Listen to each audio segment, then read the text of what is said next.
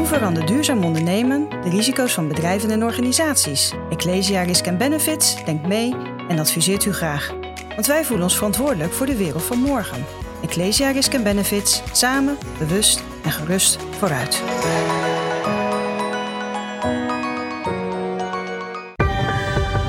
Ecosofie wordt mede mogelijk gemaakt door Renewy.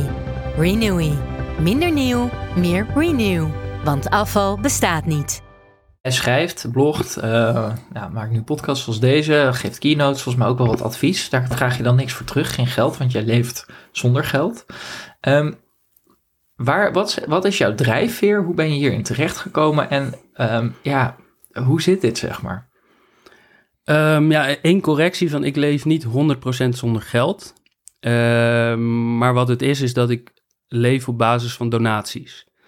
Dus dat kunnen ook gelddonaties zijn. Het is niet dat ik tegen geld ben. Um, maar het principe van geven moet overal in zitten. Dus als ik iets geef, uh, dus als ik advies geef of als ik uh, mensen help om uh, die, die meer stappen willen zetten in geefeconomie of nou ja, wat dan ook. Ja, weet je, dan vind ik het gewoon leuk om te doen. Dat is al waardering genoeg en daar hoef ik helemaal niks voor terug. Um, maar als iemand uiteindelijk wel iets wil geven of iets kan geven, prima. En als dat geld is, is ook prima. Um, maar ja, dat is dat. Maar het hoeft niet. Uh, en het kan ook helemaal van een andere kant komen dat we ondersteuning ontvangen. Of uh, ja, of wat dan ook. En zo... je, bent, je bent dit ooit wel begonnen ja. door te leven zonder geld, toch? Hè? Echt radicaal ja, uit het systeem te stappen. Ja, Hoe was dat dan? Want dat is wel iets waar ja, ik me eigenlijk gewoon niks meer voor kan stellen. Ja, dat was gaaf. En uh, ja, dat was super mooi. Want nou ja, het was zeg maar, ik, zat, uh, ik had die geef-economie ontdekt. Van ja, weet je, inderdaad, geen voor wat hoort wat meer. We moeten gaan geven. En ik had ontslag genomen en ik kwam thuis te zitten. En ja, ik had dus die geef-economie als filosofie. Maar ja, daarover gaan schrijven, dat is leuk. Maar ja, wat, wat het echt in de praktijk brengen, dat, dat doet echt iets. Nou ja, dat zien we natuurlijk heel veel. Hè? Dat heel veel mooie boeken verschijnen over hoe de wereld zou moeten zijn. Ja. In die zin heb ik wel bijzondere bewondering voor je dat jij dat gewoon bent gaan proberen. Ja, dankjewel. Ja, ja en in mijn inziens is dat ook de, de enige weg om echt iets te gaan doen. Ja, want eigenlijk is een van jouw belangrijkste boodschappen dat we in het kapitalistische stelsel waar we in leven, hè, waar je als systeem ook gewoon in, ja, toch ook wel in moet leven. Mm -hmm. uh, nou, jij laat dan het tegendeel zien, maar goed, we gaan straks wat meer in of iedereen dit zomaar kan doen of dan of ja. we dan toch een uh, tamelijk groot probleem hebben. Um, maar dat jij zegt, ja, dit hele systeem gaat uit van schaarste, ja. terwijl er is gewoon overvloed, we zien het alleen niet. En op het moment dat ik deze stap zette, had ik dus van één naar geen naar alle huizen. Ja. Klopt. Ja. Ja, precies. En, uh, en, en niet zozeer naar alle huizen, want het is ook dat mensen een bepaalde mate van, van overvloed zelf moeten ervaren om dat te kunnen delen, zeg maar. Uh, dus er, er, is ook genoeg, er zijn genoeg mensen die hun eigen hachie hebben en dat beschermen, zeg maar.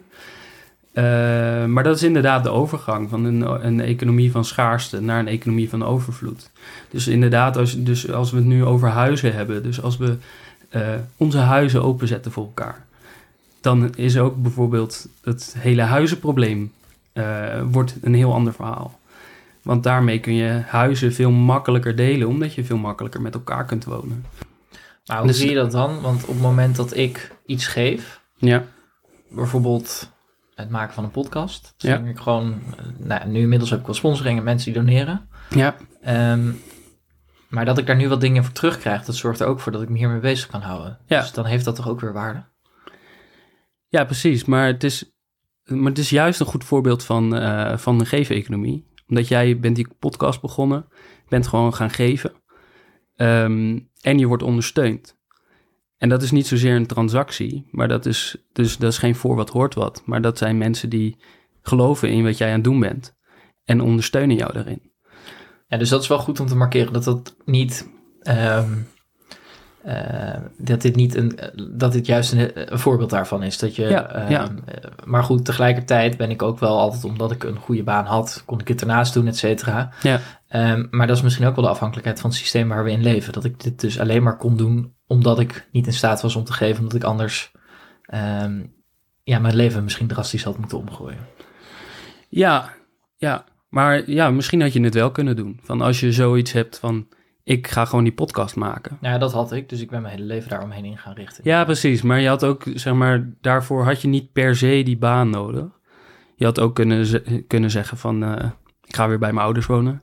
Om dat te kunnen doen. Maar het is in ieder geval wel nu, de wereld is wel zo dat je dan eerst zelf offers moet brengen om dat, om dat te kunnen doen, ja. Eh, dus of, of je leven eromheen inrichten zodat je, zodat je dat kan doen. Of eh, ja, dus op een bepaalde manier moet je, moet je daarin meebewegen. Hoe gaat het dan met wederkerigheid? Want een van de basismorele principes die ja, volgens Chi Chu, die ik ook sprak, zijn ontdekt ongeveer eh, in alle culturen, dus ook universeel zijn, is wederkerigheid. Ja. Nou, dat lijkt een soort transactie, maar dat kun je natuurlijk ook weer anders invullen. Dat als jij dus iets geeft, dat een soort emotionele bankrekening wordt opgebouwd bij de tegenpartij, dat ze de volgende keer denken, nou, die geven weer wat terug. Ja.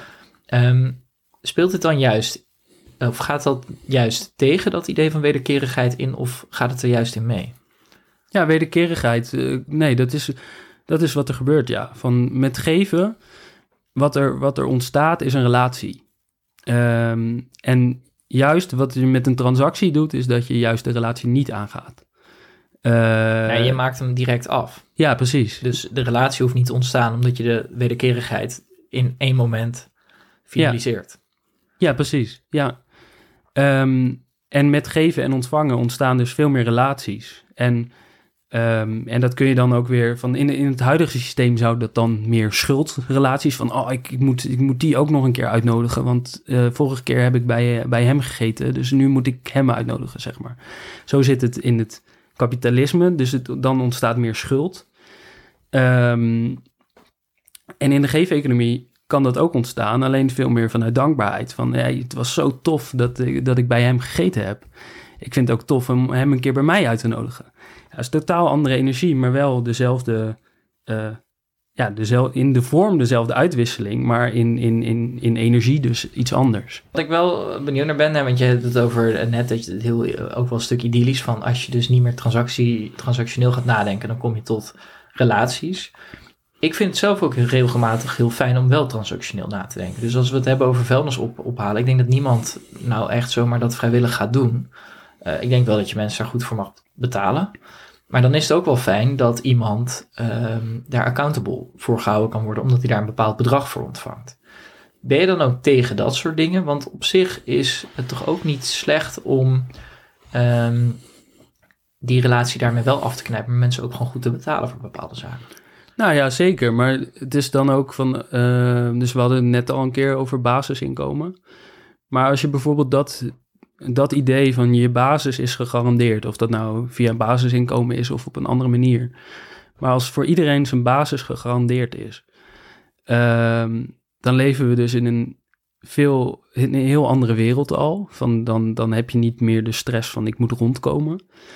Ehm, en nou ja, als ik, als ik voor mezelf spreek, van als we in die wereld terechtkomen, vind ik het prima om, eh, om in die wereld een dag per week eh, het vuilnis mee op te gaan, gaan halen. Want die wereld is me superveel waard eh, om, om daar te zijn. En ja, dan, dan zou ik zo'n taak bijvoorbeeld prima, prima willen bijdragen. Ja, want En ik denk dat er zo meer met, me, met mij zullen zijn. waar veel mensen bang voor zijn, is dan freeriding gedacht. Dat dan in een totale groep van mensen dan misschien een aantal zijn die dit doen, en de anderen denken van, nou ja, prima dat jij dat doet, doe ik lekker niet. Ja, Ehm, de vraag is alleen of je hele systeem moet inrichten op de mensen die slecht zijn, wat we nu natuurlijk wel vaak doen. Ook eh, als je ziet hoe er met fraudebestrijding bijvoorbeeld om wordt gegaan Ja. toeslagenaffaire, et cetera. Of dat je inderdaad ehm, een bepaalde freeriding gedrag voor lief neemt en het grootste deel van de groep misschien wel gewoon vertrouwt. Nou ja, precies. En, en dus andersom, eh, anders gaan kijken ernaar. Van jij bent degene, door jou, doordat je aan het bijdragen bent, jij bent degene die gelukkig bent ervan. Jij bent degene die vervuld raakt. Die freerider die we net al eerder op de bank zagen, van, die ligt daar dan vier, vier weken op de bank. Ja, diegene is niet vervuld.